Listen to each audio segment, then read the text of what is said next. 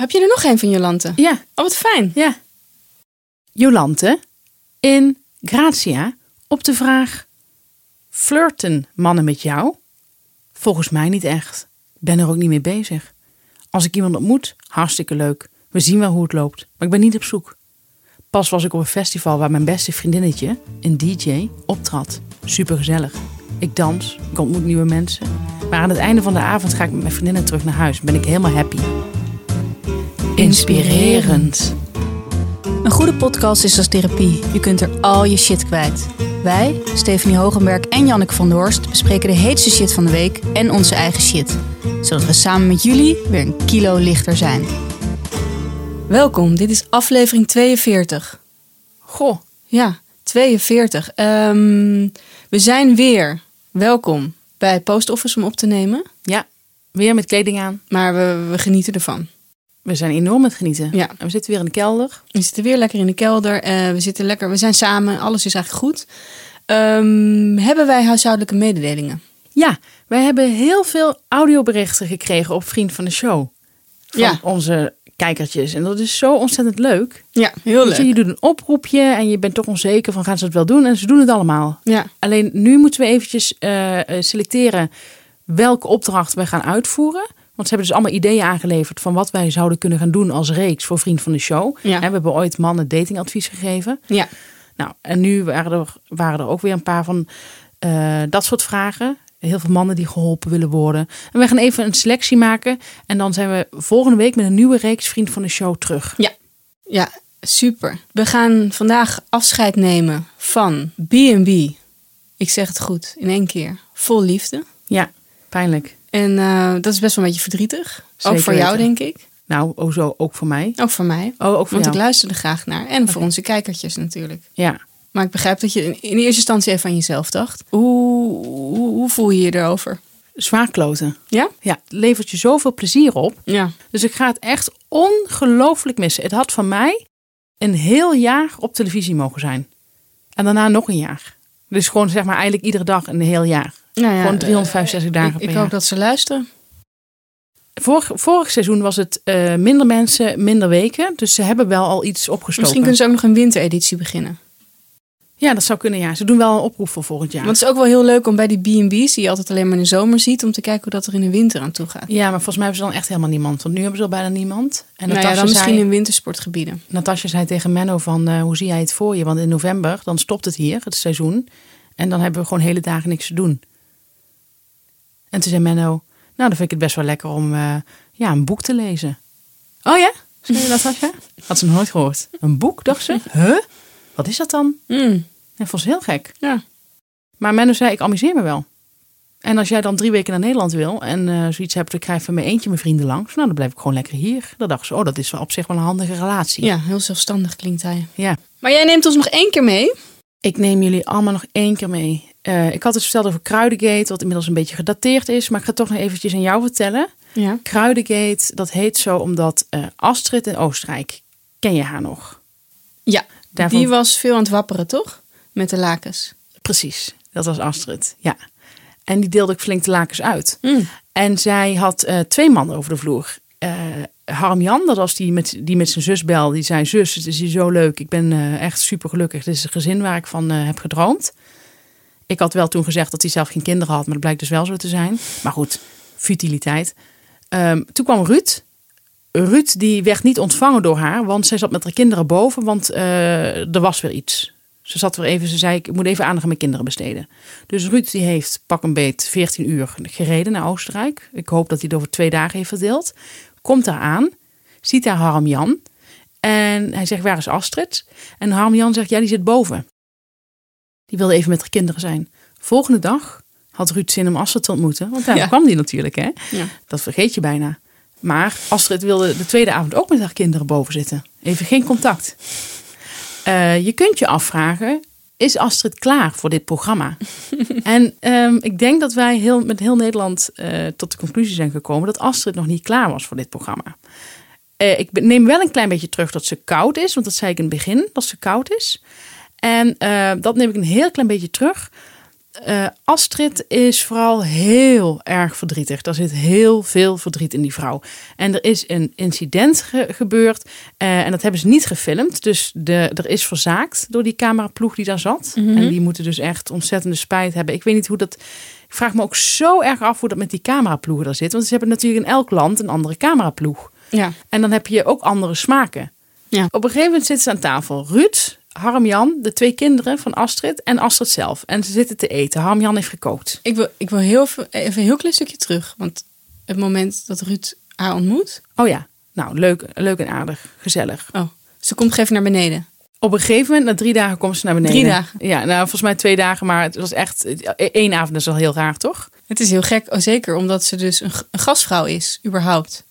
Een vriend van mij Buiten. zei terecht, hoe doet ze dat met gasten? Ja, Weet je? Ik heb Hoe- even geen zin. Ja, het is echt eh, onvoorstelbaar. En je merkt aan Astrid wel dat ze in therapie zit. Zij zit wel in therapie. Dat merk je omdat ze heel vaak zegt van dit is mijn grens, dit is mijn grens, dit is mijn grens. Wat zij niet in die therapie leert is hoe ze tegelijkertijd haar eigen grens respecteert zonder over de grens van een ander te gaan. Dat heeft zij in therapie niet geleerd. Dus maar ja, en hoe zij praat merk je dat ze wel therapie heeft gehad. En, eh, en ik bedoel, hartstikke leuk hè, want het is super hip ook om in therapie te gaan. Dus eh, dat, dat, dat is echt, vind ik dus heel goed. En dus op een gegeven moment zitten ze met z'n allen aan tafel en heeft Harm-Jan gekookt. En dan zegt Astrid, jeetje, het is wel heel pittig. En dan zegt Ruud, oh wauw, eh, maar ik vind het wel lekker. Ruud is een hele leuke man. Ruud is een hele leuke, volwassen man. Echt, echt, die gaat ook heel veel aanvragen krijgen naar deze show. Ja, dus een spoiler. Hij is niet met, eh, voor jou dan, de rest weten dan. Hij is niet met eh, Astrid geëindigd. Astrid zegt dan van, ja, ik vind het ook niet erg, alleen mijn kinderen eten het niet. Weet je, wel, die vinden dat veel te pittig. En dan zegt ze, hoeveel heb je eigenlijk gebruikt? Ja, anderhalf theelepeltje. En nou is het zo, en dat hebben, hebben we dus allemaal te horen gekregen. Dus niet gezien, maar dat hebben we allemaal te horen gekregen van het enerzijds Harm-Jan, anderzijds Astrid en ook nog het perspectief van Ruud. Allemaal hebben ze dat in de camera verteld. Wat is er nu gebeurd? De volgende ochtend is Astrid furieus geworden dat hij anderhalf lepeltje peper erin heeft gedaan. Hij had blijkbaar aan Astrid gevraagd: hoeveel gebruik jij hiervan? Zij zei toen een half lepeltje. Hij heeft anderhalf lepeltje gebruikt. En zijn eh, visie, hij legde uit dat hij dat had gedaan omdat hij eh, meer groente en meer spaghetti had gebruikt. En daarom het had verdubbeld. Astrid die zei, hij heeft niet naar mij geluisterd. En Ruud en eh Harm-Jan zijn even met z'n tweeën naar een kebabkraam gegaan. Waar ze ook die, die avonden hebben gegeten toen zij met de kinderen boven zat. Bij een kebabkraam die er veel leuker uitzag. Een hele schone, propere kebabkraam. Zoals je dat in, eigenlijk in Oostenrijk ook voorstelt. En eh, daar gingen ze eventjes samen praten over wat er nou was gebeurd die ochtend. Ruud zei, ik wist wel dat ze het in zich had. Maar ik wist niet dat het zo heftig kon worden. Haar woede. Dus zij is blijkbaar ook op een bank gaan staan.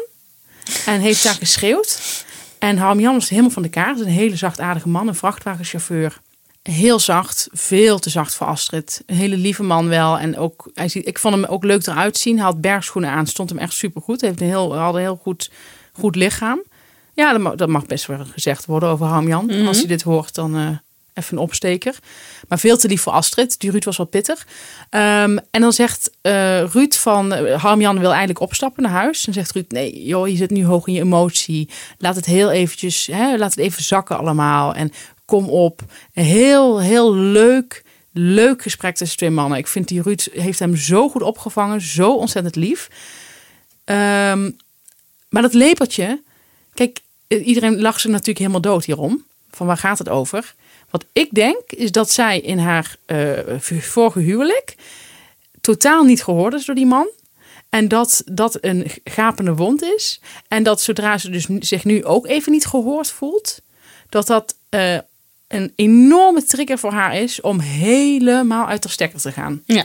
En ik denk dat ik vrij accuraat erbij zit.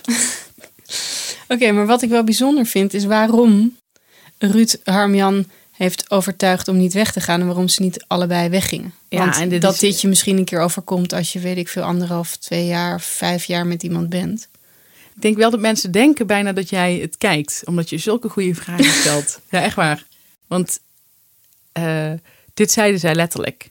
Zij, Harm Jan zei, Ruud, dit is nog maar, ik zit er pas een week en we hebben nu al dit soort ruzies. En toen zei Ruud, ja, maar dit is geen natuurlijke situatie. Hè? Weet je wel, je weet ook niet hoe zij is met die camera's erbij en zo. Eh, Ruud, die voelde al, zij hadden al een heel, iets van een heel klein kusje aan elkaar gegeven. Ik hou er niet van, van deze term, want ik vind een beetje een koorballen, koorballentaal van elkaar een klein kusje geven. Oh, ik haat dat zo, mag ik het even tussendoor ook zeggen. Maar ze hadden gewoon blijkbaar, maar ze hadden niet, niet getongzoend volgens mij. Dus het was echt een, echt een klein kusje. Eh, dus maar eh, eh, Ruud wilde dat Harmjan er gewoon nog bleef. Die wilde gewoon toch dat hij het beste eruit ging halen. Ruud had echter wel genoeg gezien. En wilde de dag later, zei hij tegen Astrid, hey, kunnen we even praten? Het was Astrid weer een beetje bedaard. Had ze Harmjan en Ruud gevraagd van, zullen we eventjes lekker ergens gaan eten? En weet je, even dit allemaal achter ons laten. En Harmjan moest bijna huilen toen. Van toch een soort van opluchting. En die wilde haar toen een knuffel geven. En toen zei ze huilend van, nee, nee, sorry, dat wil ik niet. Maar kom even mee, laten we eventjes met z'n allen gaan, gaan eten. En dus ze wil het eigenlijk echt wel heel graag. Maar het is gewoon, ze is totaal, ze zit helemaal vast ook. En eh, Ruud heeft wel gedenkt, die dacht toen van, ik, ik wil weg. En die probeert het eerst heel subtiel. Dus die gaat eerst naar Astrid toe en zegt, hey, eh, kunnen we even praten? Volgens mij hadden Harm, Jan en jij een hele leuke klik. Kwam ik erbij en is toen allemaal een beetje ontspoord. Dus ik, ik denk dat het gewoon beter is als ik naar huis ga. Nee, zei Astrid. Nee, dat wil ik absoluut niet hebben. Oh nee? Nee, nee, nee, nee, je moet echt blijven. Dat vind ik, als je nu weggaat, zou ik zo ontzettend jammer vinden. Nee, ik vind echt dat jij moet blijven. Oké, zegt Ruud, maar die wilde eigenlijk weg.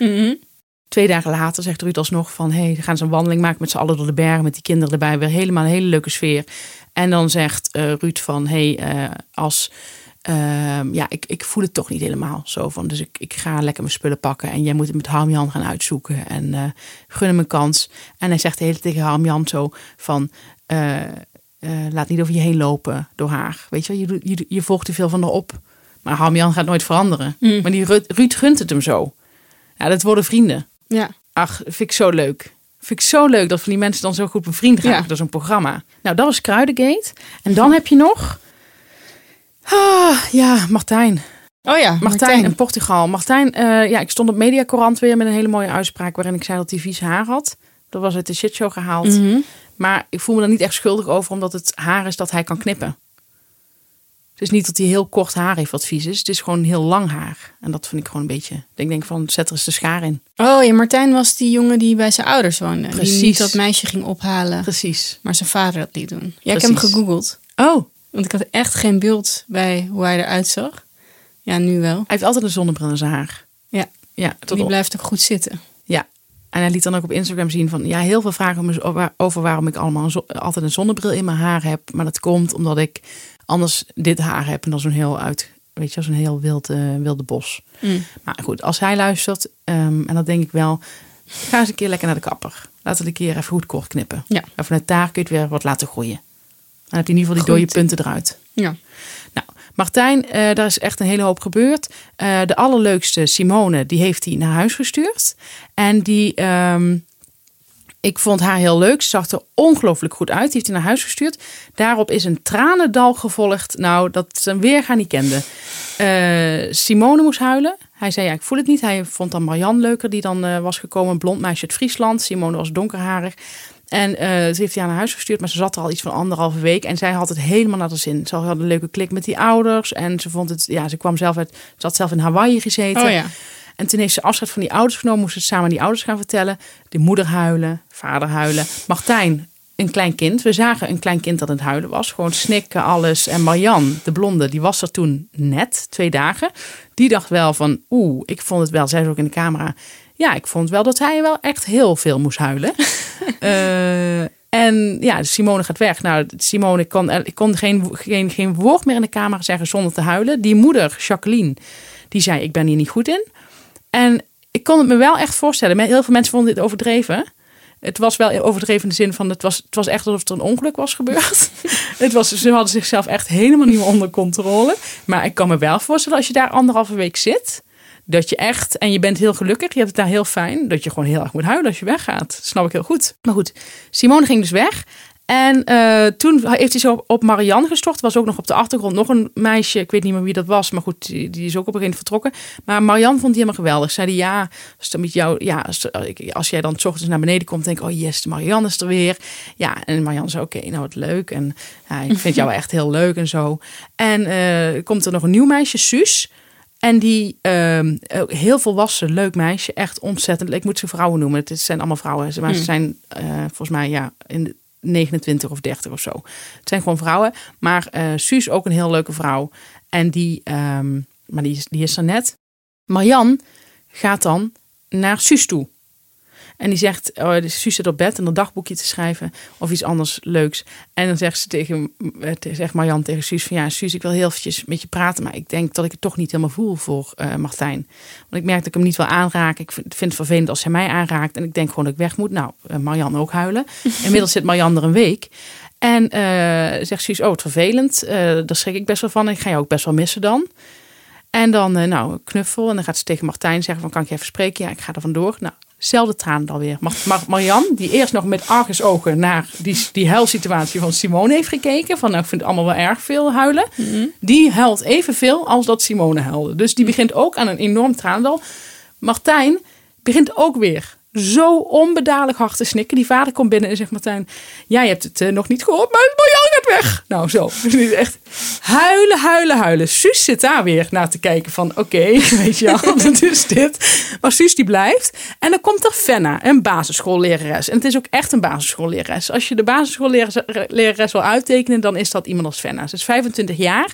En zij... ehm, Zo'n lange jurk tot op de grond, weet je wel, met slippertjes eronder. Nou, eh, echt, echt basisschoolmateriaal. en dan eh, zeg maar van waar kinderen lekker onder de rok kunnen verstoppen en zo. Zo'n veilige haven. En dan eh, komt Fenna en dan zegt hij tegen Fenna, op jou heb ik gewacht. Ik vond jou het leukste van alle filmpjes, op jou heb ik gewacht. Wat best wel raar is, omdat die Marian ook al de liefde had verklaard. Ja. En toen zegt Fenna, oké, nou goed, leuk. En dan gaan ze op date. En dan zegt Suus op de achtergrond, dus die volwassene, die zegt ervan, die belt met een vriendin. Ja, en ik ben hier nog. Ja, echt leuk. Ik vind het heel gezellig. Ik ken hem alleen nog niet goed. Ik heb één keer met hem gedate, maar dat was al een, ja, iets van vier dagen geleden. Dus ik eh, wil morgen iets met hem gaan ondernemen en hem nog wat beter leren kennen. En op dat moment eh, gaat hij met Fenna naar een eh, dierentuin. Dan gaan ze naar parende reptielen kijken. En dan eh, ja, zegt Martijn, ja, ik vond jou echt leuk en zo. En dan omhelst hij haar en dan lopen ze hand in hand door die dierentuin. Dus ze is daar dan één dag. En dan komen ze s'avonds terug. Dan gaan ze bij het kampvuur zitten. Suus, Fenna en Martijn. En dan zegt Suus van waar doe ik dit me aan denken bij het kampvuur zitten. Dus bij Temptation Island heb je dat. Ik kijk dat nooit, jij ook niet. Maar dat is, ik weet wel dat dat het beeld is van Temptation Island. En ehm, dan zegt Suus van, oh, dit is, dit is, eh, zeg maar, dit is het moment bij Temptation Island dat we de beelden gaan bekijken. En dan zegt, zegt ze van, van jullie date, zegt Suus als grap. En dan zegt Martijn, nou ja, ik, ik wil je wel echt, echt even iets zeggen. En dan zie je Suus al helemaal schrikken. En dan zegt hij, ik ben verliefd. En dan zegt Suus, oké, ja, op Fenna. Fenna. Fenna. Die schrikt zich helemaal dood. Want die had ook een heel leuke middag gehad. Vond het ook leuk dat hij zei, ja, ik heb op jou gewacht en zo. Maar dacht wel, dit is wel echt heel snel. Dus die Fenna, en dat heb ik eigenlijk nog nooit eerder gezien, uit ongemak ging, draaide zij zich weg van hun twee. En ging gewoon naar een soort plek in het heelal staren. Het was dus, het was dus donker bij een kampvuur. En ging uit ongemak gewoon zo, heel stijf zat ze zo. Ja, zo van ik wil hier echt niet zijn. Dus dat, dat zag je. Maar zij wist gewoon niet wat ze moest doen. En toen zei Martijn, ja, sorry, ik vind het heel vervelend om te zeggen, maar ik ben echt super verliefd op Fenna. En ehm, ja, en dan wilde hij knuffel geven aan Suus. En dan doet Suus, echt vind ik zo volwassen, trekt zich terug. Zegt ze, oh ja, nee, ik, ik vind het superleuk nieuws voor jullie. Ik moet heel eventjes wel bijkomen, ik had het niet verwacht. En ehm, ja, ik, ik, ik schrik er een beetje van, omdat ik het echt niet had verwacht. Dus en, na één date. Dus ehm, ja, maar ik, ik vind het heel leuk voor jullie, maar ik moet zelf heel eventjes bijkomen. Vind ik een hele volwassen reactie. Ja. Ik had die knuffel denk ik het ongemak aangenomen van hem. Maar zij had zoiets van, nee, maar dat voel ik nu echt helemaal niet om met jou nu te gaan knuffelen. Dus vond ik heel erg goed. Dan, nou, het is echt ongelooflijk. Je, het is, je weet niet wat je allemaal ziet, joh. Dan haalt Martijn zijn ouders erbij om het te gaan vieren. Die Fenna is inmiddels helemaal gewoon. En die heeft een wegtrekker gekregen. Die zei ook: Ik ga heel even weg. Die is weggegaan. Dan haalt Martijn zijn ouders erbij. Fenna komt er dan ook maar weer bij voor de vorm. En dan gaan die ouders in die ronde cirkel van dat kampvuur zitten. En dan zegt Martijn, ja, ik heb net uh, Fenne de liefde verklaard. Ik ben super verliefd op haar. Hij wil er een kus op de mond geven. Fenne doet een beetje zo, ja, oké, een kus op zijn mond, maar zo half op zijn wang, weet je wel. Want die voelt het nog, die is nog helemaal niet zo ver. En zegt die moeder, oh, wat leuk. En dan zegt ze tegen Suus, oh, vind voor, voor jou zo vervelend. Doet ze bij die Suus en dan doet ze zo'n arm om Suus heen. En wat ik zo goed vind van Suus is dat ze dan niet zegt, oh, ik vind het helemaal niet erg hoor, weet je wel. Suus doet dan ook een arm om Jacqueline heen. En dan zitten ze zo samen zo te genieten, zo te kijken naar Martijn en Fenna. En Fenna is al lang vertrokken uit haar lichaam. die, is, die, is, die is echt... Uh, het doet voor Martijn eigenlijk niet uh, ter zake of iemand ook iets voor hem voelt. Ze vieren zijn liefde. Ze vieren zijn liefde. Ik denk dat hij helemaal gewoon niet, niet weet dat, dat, dat dit voor Fenna veel te snel is. Dus hij wil gewoon heel graag. En heeft daarbij en helemaal dit was niet... het laatste meisje dat zou komen? Eh, Blijkbaar niet, want er komt nog Oh. iemand. Maar hij heeft voor echt wel voor Fenna gekozen. Dan gaan ze het om het kampvuur vieren. En dan zegt Fenna er wel de volgende dag bij het ontbijt van... eh zegt Suus, nou ik ga mijn koffers pakken, want het was al te laat. Hij, zegt- hij zegt dan ook nog tegen Suus, je hoeft niet nu weg. En zegt Suus, nou dat li- lijkt me ook een beetje moeilijk. Het was elf uur s'avonds of zo. dus kijk, ze wijst ze zo naar de sterrenhemel. Nou, dat is ook een beetje moeilijk nu. Dan gaat ze de volgende ochtend zitten met z'n drieën te ontbijt. En zegt Fenna, nou, ik, of hij zegt Suus van ik ga mijn koffers pakken. En dan zegt eh, Fenna tegen Martijn... Ik moet wel zeggen dat ik schrok van je woordkeuze. ja, want, eh, ja, en zegt hij, ja, nee, dat snapte hij dan ook wel en zo. Maar het, is, het gaat langzaam heen. Fenna en Martijn gaan zeker weten geen stel zijn. Dat gaat stuk. Oké. Die Fenna is zich echt wild geschrokken. Ze zei ook nog in de camera, ja, ik geloof niet dat er ooit een man in mijn leven is geweest die zo snel verliefd op me is geworden. Wat ik ook heel grappig vind. Dat je dat niet helemaal, weet je wel, dat je niet doet alsof dat de normaalste zaak van de wereld voor jou is. Ja. Dus, eh, maar ik denk dat dit gewoon, dit gaat stuk. En heeft zij ook nog zoiets laten blijken aan eh Suus? Hebben zij onderling nog gesproken na nee, die dat avond? niet. Nee, want zij, zij waren echt te kort nog samen. Mm. Maar, ehm, en nu was er dan geen tranendal.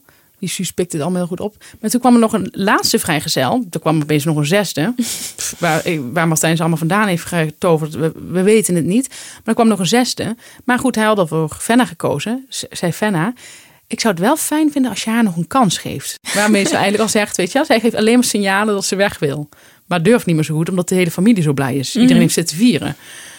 Ehm, en dan zegt, zegt Martijn, ja, nee, nee, tuurlijk. Maar ja, ik ben al verliefd op jou. ja, maar ik zou toch echt, want je weet het gewoon niet. Nou, eh, ook heel volwassen allemaal voor iemand van 25. Mhm. En dan eh, komt die laatste, die komt dan smiddags aan. Nou, en dan zie je beelden dat ze s'avonds weer, eh, ja, met een volle hij heeft even een hele volle koffer bij zich. Hij zegt, jeetje, nou, er zit genoeg in. En dan laat, ze hem, laat hij haar mee eten met iedereen. Heel ongemakkelijk. En dan zegt hij, kunnen we even praten? En dan gaat hij, zegt hij, ja, ik ben al fan aan verliefd.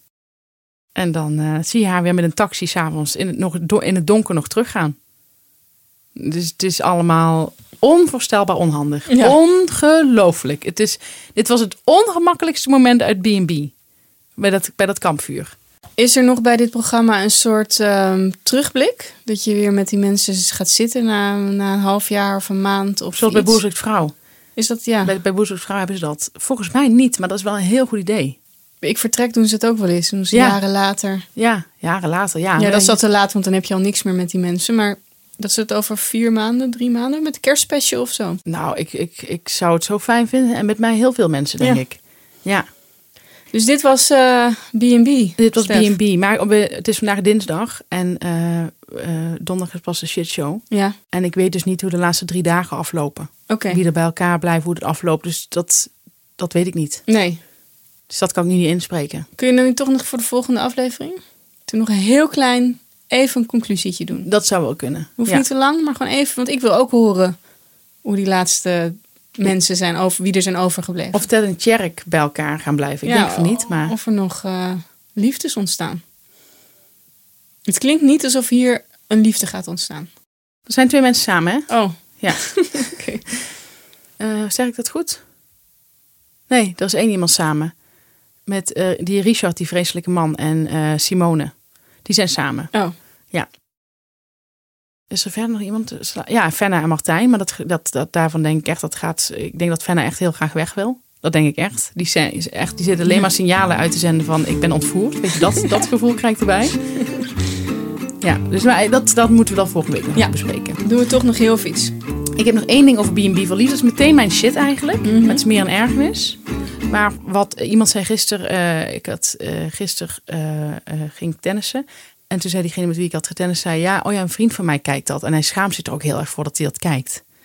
En eh, sommige mensen zeggen dat, hè? Dat ze zich schamen dat ze zo'n programma kijken. Ja, begrijp ik niet. Begrijp ik ook niet. Vind ik eh, heel, echt serieus heel erg veel zeggen over iemand als hij dat zegt. Ja. Omdat het, ehm, het, het zegt alles dat je dus eigenlijk niks inhoudelijks doet in, de, in, voor- in je leven. En dan dus dit ook kijkt nog. En dan, en dan denkt dat dit iets is waar je voor moet schamen. Leg het helemaal niet goed uit. Ik begrijp wat je, wel wat je bedoelt. Ja, eigenlijk komt het erop neer dat iemand gewoon nooit een boek leest. ik, ik wist dat je die kant op zou gaan. Ik Maar wil het dat boek, iemand- boek ja. niet erbij halen. Maar het is, het, iemand is heel oppervlakkig. Ja, En, en dan ga je je schamen dat je zo'n programma kijkt. Begrijp je? ja. Maar het is ook een beetje met guilty pleasures. Ja, Ik vind dat heel vervelend. Ja. Vind ik zoiets flauws. Dan gaan mensen dus iets zeggen wat niet, zeg maar, een soort van highbrow wordt gevonden door iedereen. En daardoor is het een guilty pleasure of zo. Ja, nou en. Heb ik niet. Ik heb gewoon pleasures. Ja, ik vind het guilty. Ik zou ook- Misschien guilty pleasure zou voor mij zijn als ik bijvoorbeeld veel te veel eet. Dat ik me een beetje rottig voel. Maar, Maar niet, dat is een verslaving. Ja, dat is misschien slaaf. Maar niet iets wat ik kijk of lees of zo. Ik ook echt helemaal niet. Ik heb heel lang in Mijn Geheim gelezen. Ken je dat? Ja. Zo'n blad ligt altijd bij de kapper. Ben ik gaan kopen. Oh ja? Ja, en een vriendin van mij was ook dol op. En dan gaven we elkaar, als we de Mijn Geheim uit hadden, gaven we elkaar. Oh, maar dat snap ik Op de heel middelbare goed. school, hè? Dat ik dus al heel graag boeken las toen. Ja. En mensen echt mij ook wel uitlachten dat ik dat dan las. Ik vond het heerlijk. Ja, ik me allemaal mensen die dus een verhaal vertelden over, over een groot geheim dat ze hadden.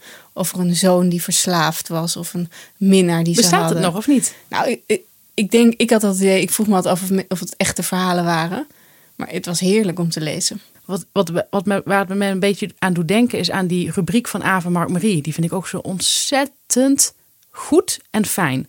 Zij hebben een rubriek waarbij iemand een probleem kan inleggen bij hun. En dat Mhm. deden ze eerst al gedurende de week op Instagram. Laten, hebben ze dat zo'n heel mooi handgeschreven briefje met Ja. het probleem van iemand. En dan eh, geven zij advies in hun podcast. En ik vind dat zij dat allebei heel erg goed doen, dat advies. En ik ben ook el- elke keer zo benieuwd hoe ze nou weer gaan, de boel gaan oplossen. Want is de- inmiddels is, zijn de problemen best wel soms echt heel serieus. En ehm, ja, ik vind dat een hele leuke rubriek.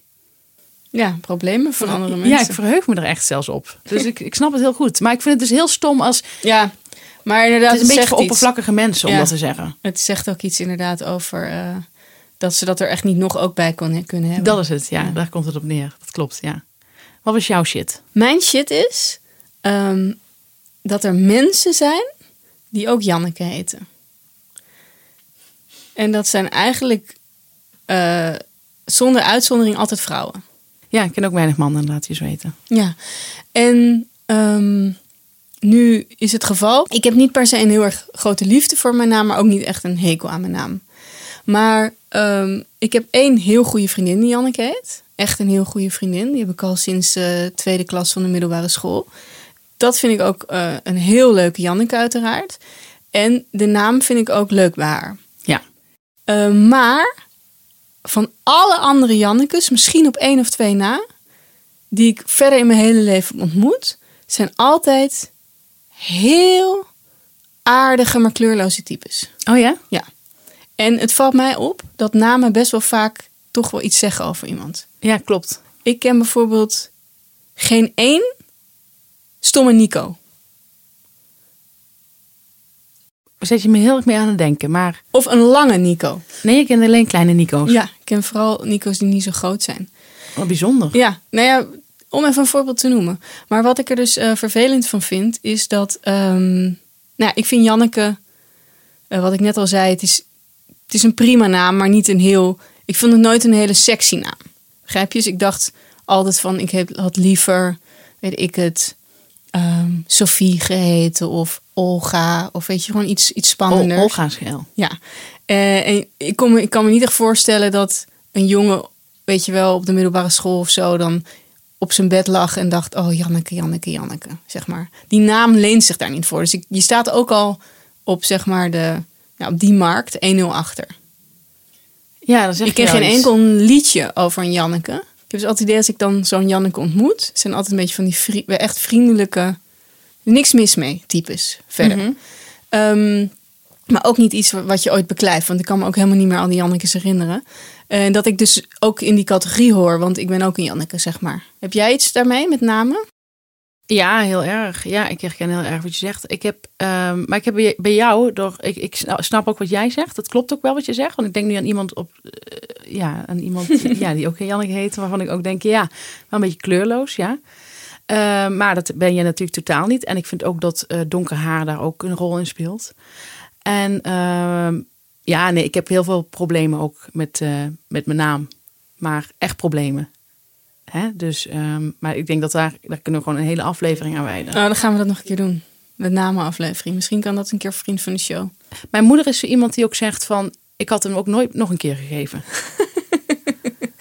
Als ik af en toe opwerp van... Nou, vertel me nog eens één keer hoe je dat precies had bedacht. En toch, ik kan me wel voorstellen, Stephanie, dat vooral omdat mensen misschien vaak Stephanie zeggen. Mhm, Of Stephanie. mhm, Dat je dat misschien vervelend vindt. mhm. Toch heeft het nog wel iets spannenders dan Janneke. En daar is dan ook wel echt alles mee gezegd.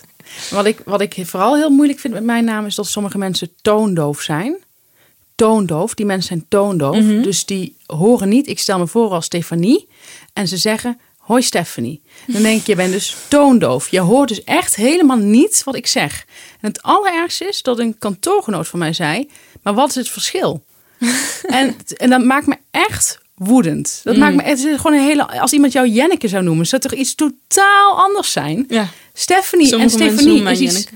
totaal anders. ja. of Word ik heel erg boos van. Dus nee, ik moet eigenlijk helemaal niet deze krocht ingaan. Oké, we gaan niet kwaad verder van. op in. Hij, hij zei ook nog, ja, Stephanie is mijn ex, altijd Stephanie zijn naam vooral het kettingje. En vond ik best wel grappig als hij dat zei. Ik kon het goed van hem hebben. Maar ook soms had ik wel eens in de, in de kroeg had ik wel eens dat mannen niet geloofden als ik mijn naam zei. Wat best wel apart is. Want ik bedoel, het is niet dat ik Cinderella zeg of zo.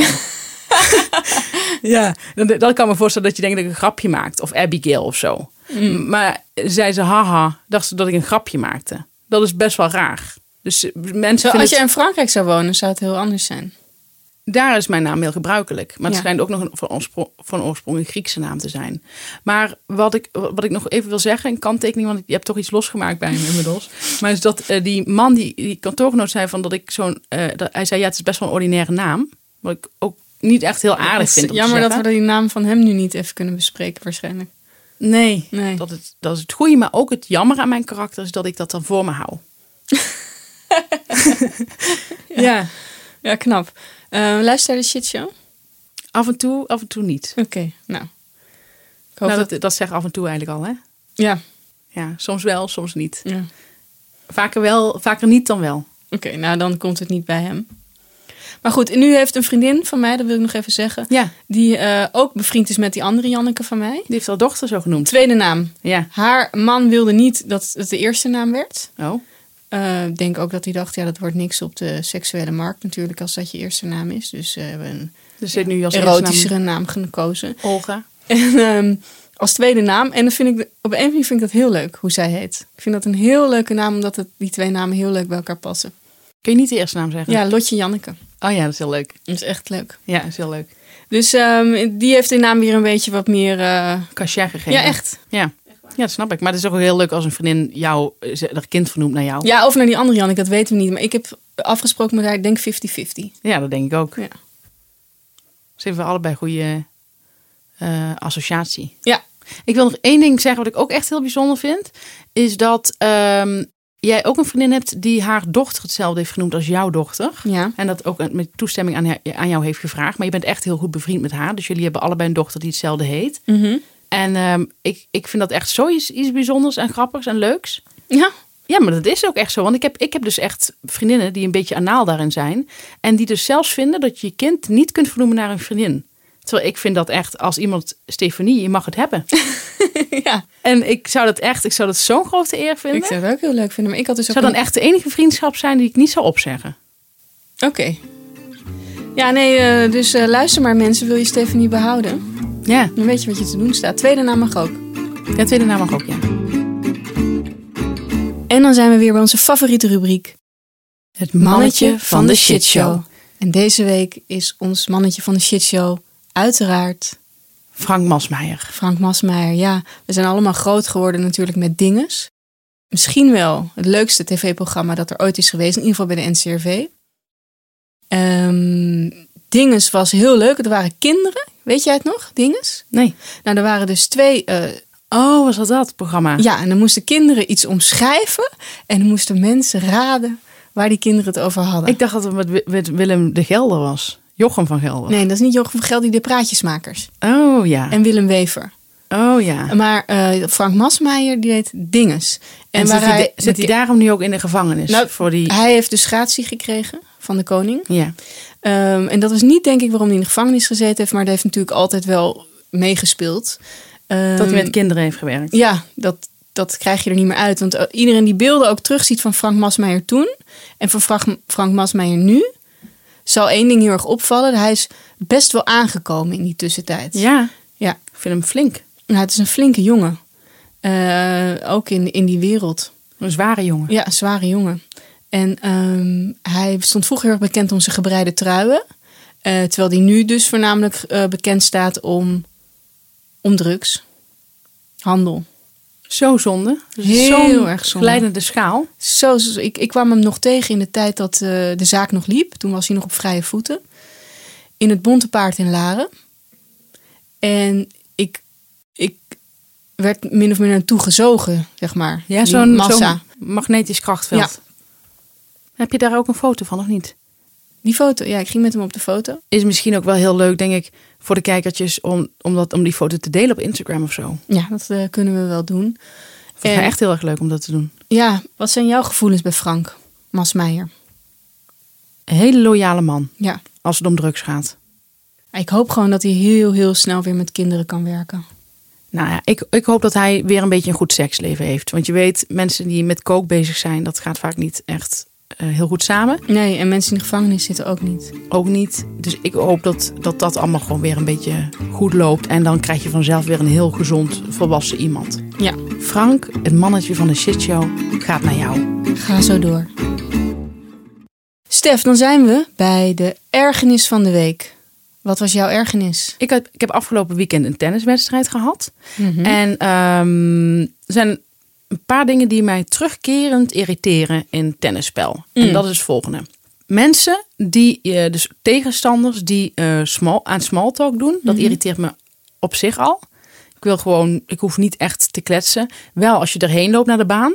Dus wel, want je zegt even van zit je bij deze club? Of hè, ik zat bijvoorbeeld bij een andere, andere club als ik, ik was uit aan het spelen. Ik zei, zit je bij deze club? Ja, oh leuk. Ja, waar zit jij dan? Weet je, zo, dat hoort erbij. Je gaat Mm. niet stilzwijgen naar de baan lopen. Op die baan leg je je spullen allebei op een bankje. En dan kun je misschien ook nog even kletsen. Wens je elkaar veel plezier. En dan begin je. Ja. Maar dan hoef ik niet, als we elkaar gaan passeren, bij, als, het, als het is begonnen, wil ik gewoon echt een beetje mijn concentratie blijven. Zeker als ik eh, nog niet eh, echt lekker voor sta of zo. Maar dan zijn er mensen die small talk willen voeren. En ehm, sommige mensen drijven het zo ver dat ze jou een complimentje over je outfit gaan maken als ze bijvoorbeeld met 3-0 voor staan. Dus ze, willen, ze hebben dan goede zin. Ja. Ze hebben eigenlijk in hun hoofd de buit al binnen. En gaan mij dan complimenteren met iets. Of ze zeggen van, je hebt trouwens echt een goede service. Dit is allemaal, dit zijn allemaal dingen waar ik echt helemaal niks van wil weten. Nee. Dat vind ik super irritant. Bovendien kan het ook een truc zijn van de ander om te zeggen dat je een goede service hebt. Want Ja. daarna gaat hij meestal gewoon helemaal verkeerd. Omdat Ja. je dan erop gaat letten.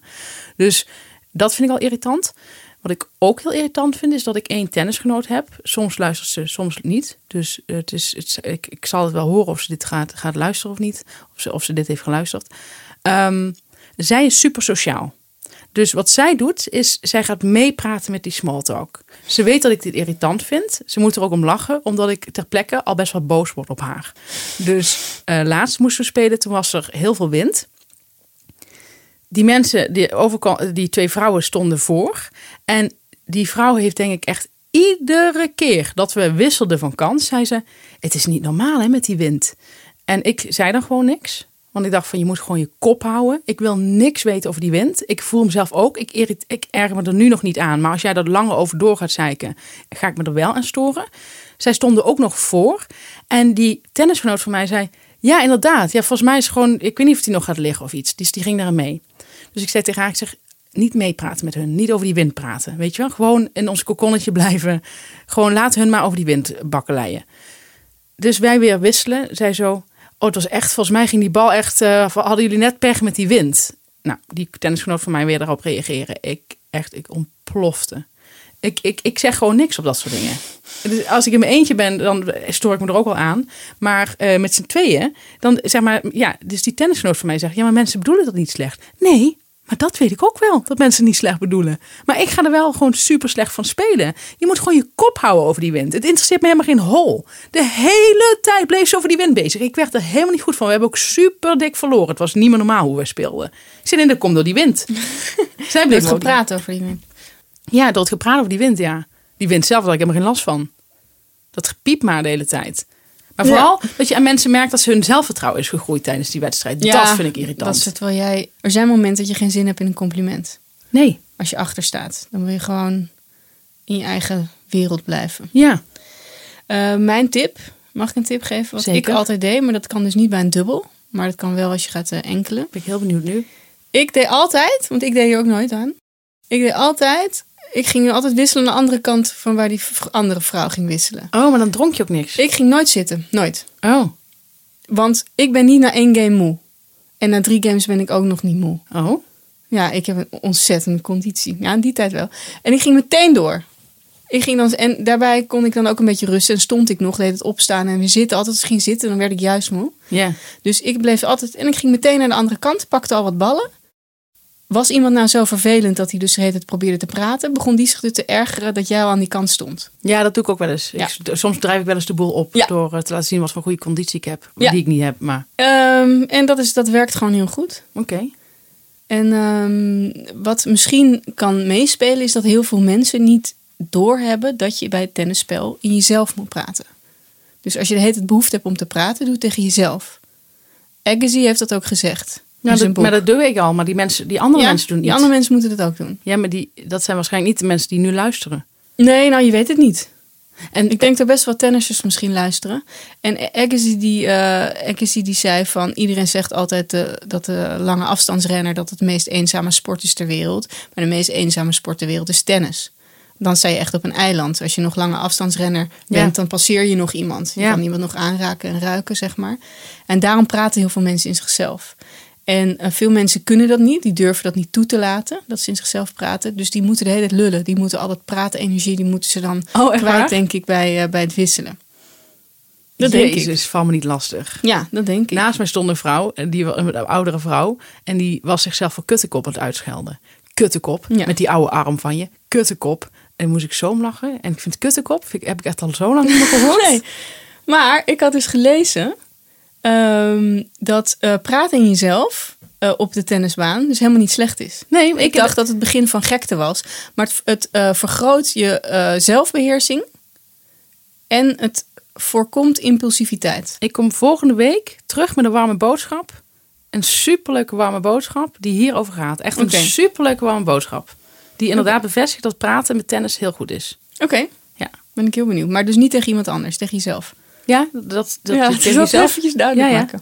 Hele leuke warme boodschap. Ga je ook heel leuk vinden. Oké. Oké, wat was jouw warme boodschap? Ehm, hebben we nu meteen een warme boodschap te pakken dan? Oké, dan ehm, door de B&B slaan we af en toe een rubriekje over. Dus we gaan nu meteen door naar de warme boodschap. Ik denk dat mensen ook wel heel veel behoefte hebben aan een lekkere warme boodschap. Denk ik ook. Wat is die van jou? Ben ik wel veel aan het woord nu. Dat besef ik. Ehm, maar ik ga toch, ga toch het podium pakken. Ja, doe het. Ik heb eh, het boek Stephen King on Writing. Hij heeft een eh, boek geschreven over schrijven. En ik denk dat het ook leuk is voor mensen die geen schrijver zijn. Maar bijvoorbeeld een baan hebben als consultant, een hele saaie baan. Maar wel gewoon dingen signaleren bij collega's. En die zin hebben om dat af en toe eens lekker van zich af te schrijven. Stephen King heeft echt een heel leuk, makkelijk boek geschreven over eh, schrijven. Hoe hij dat integreert in zijn leven, hoe hij dat tegenaan kijkt. Wat er zo moeilijk in is. Dat hij ook heel veel zelftwijfel heeft. Wat ik echt heel lekker vind om te lezen van iemand als Stephen King. Omdat hij zoveel produceert. Dat hij ook daar tegenaan loopt. En ook eh, hoe hij daaruit komt. Ehm, eh, ja, hij, hij benoemt andere schrijvers hoe die het aanpakken. Het is, een, het is een heel fijn boek om te lezen. Oké. Nou, ik ben heel benieuwd. Ja, ik heb ooit een keer eh, heb ik Herman Koch geïnterviewd. En toen raadde hij mij dit boek ook aan. Hij zei van, als ik bijvoorbeeld... Ik merk dat heel veel collega's van mij zich dan ergeren... als een schrijver die zij niet goed genoeg vinden... of die zij niet op hun niveau vinden... eh, praten over hun schrijfproces... of over wat dan ook wat met schrijven te maken heeft... dat die daar ze gaan ergeren. Ik heb dat eigenlijk nooit. Ik heb het idee dat alle schrijvers... of, ze nou, eh, of je ze nou goed vindt of slecht vindt... gaan door hetzelfde proces. Die doen eigenlijk precies hetzelfde. Ja. En ehm, hij zei bijvoorbeeld, hij gaf toen Stephen King als voorbeeld. Hij ik vind Stephen King niet de allerbeste schrijver. Maar ik vind zijn boek On Writing heel erg goed. Ja.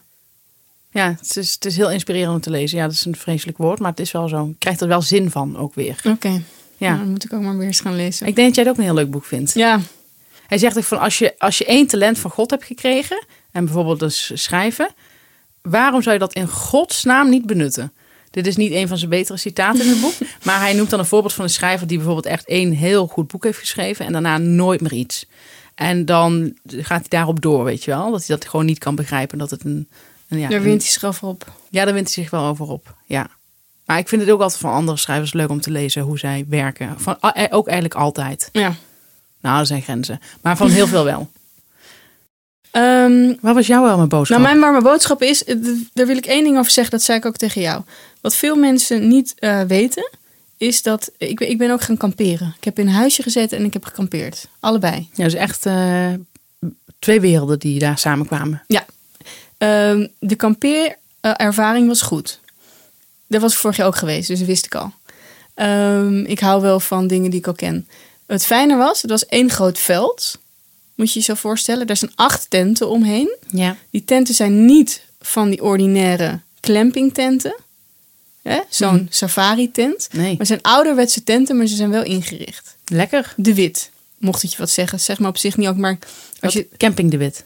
Nee, zo heet het merk, de wit. De Oké. tent. Zoals een kip caravan heb je de Wit. Denk ik, dat denk ik namelijk. Ik denk dat misschien mensen nu denken, oh, een de wit tent, wat leuk, weet je wel. Eh, er zaten drie cabines in en er stond een bank en een keukentje en we hadden echte bedden. Dus het was wel lekker, maar het was niet, het was wel nog knus. Ja. Begrijp je? Ja. Nou, acht eh, eh, tenten en dan eh, nog drie huisjes. Ja. Leuke oude Franse huisjes. Dus het zag er ook heel gezellig uit. Wat er nou zo fijn aan is en wat ik zo bijzonder vond, is dat ik alle mensen daar heb zien lezen. Ja, wat hoopvol. Ja. En hoe komt het nou? Omdat normaal, ook als je op een ander soort camping bent, want op dit veld mochten geen auto's komen, moet je toch altijd, zeker als je nog kleine kinderen hebt, mijn, eh, mijn zoon werd vier deze zomer en is vrij avontuurlijk, ehm, moet je toch altijd het het opletten. Want je moet dan met diegene naar een speeltuintje toe. Of je moet, maar hier voor ons neus stond een, ja, niet vlak voor ons neus, maar bij, we hadden zicht op een trampoline. Dus dan zag je ze de hele tijd. Ja. Je kon ze de hele tijd zien en er kon daar eigenlijk niks, niks misgaan. Ehm, dus iedereen kon lezen. Mhm. En iedereen kon gewoon rustig iets doen en hoefde niet de hele tijd met die kinderen bezig te zijn. Lekker. Vind ik wel. Ehm, en ik heb toen, op de camping was ook een boekenkast. Er stonden best wel goede boeken ook in. En er stond ook eh Donna Tart. Oh? Ga je En- me nu vertellen dat je dat boek hebt gelezen? Dat heb ik de, op de camping helemaal uitgelezen. Oh ja. Ja. Dus dat zegt wel iets. De verborgen Het is, geschiedenis. het is een dik boek. De verborgen geschiedenis. Ja. En dat heb ik uitgelezen. Nu zal ik je wel eerlijk toegeven, ik had het al een keer gelezen. Dus ik heb soms wel heel snel door de natuurbeschrijvingen ben ik soms heen gegaan. Oh. Omdat ik dacht, ik wilde weer weten, ik wilde het uit hebben voor ik wegging. Want ik kon het boek natuurlijk ook niet meenemen. Nee, die mag je niet meenemen. Je mocht wel, maar dat deed ik niet. Hij zei, neem maar mee hè, als je het eh, wil hebben. Oké. Een hele aardige camping-eigenaar. Ik wil die camping ook wel tippen. Misschien. Misschien wel aardig. Alleen nadeel is dat dan misschien ik volgend jaar weer heen ga. Dan zou ik het niet doen. Nee? Oké, dan zeg ik even niks. Maar het was wel in Bretagne. Nou, als mensen camping Bretagne zijn ze er volgens mij toch? Dat denk ik wel. En boekenkast. Nou, Maar, ik vond het dus maar- bijzonder dat er zoveel ouders aan het lezen waren. Ik zie dat echt bijna nooit. Ik kreeg weer een beetje hoop inderdaad dat mensen dat toch nog doen. Ja, dat is leuk. Maar vond je Donald Tart een aanrader? Dus. Oh ja, eh, ik wilde een tart. Je hebt hem al getipt en ik, ik toepte overheen. Ik had hem niet echt getipt. Je had hem niet getipt? Nee, ik zei dat ik toch... Ik had hem zeker niet getipt, want ik heb hem niet, nog niet gelezen. Oh ja, maar je, oh, je was met boekwinkeltjes.nl. Ja. Toen had je dus een leuke ervaring mee. Ja. ja. ja, dat was het. Ja, eh, nee, ik wilde tart toch nog even tippen met uh, Verborgen Geschiedenis. Omdat het gewoon een heerlijk filmisch boek is. Vind je niet? Begrijp je? Ja, het is wel filmisch. Ja, Ja, je het is wel ook- lekker die eh, sfeer van de university. Dat vind ik Ja. altijd heerlijk. Lekker boek. Het is een lekker, lekker boek. Dan zijn we alweer bij het einde.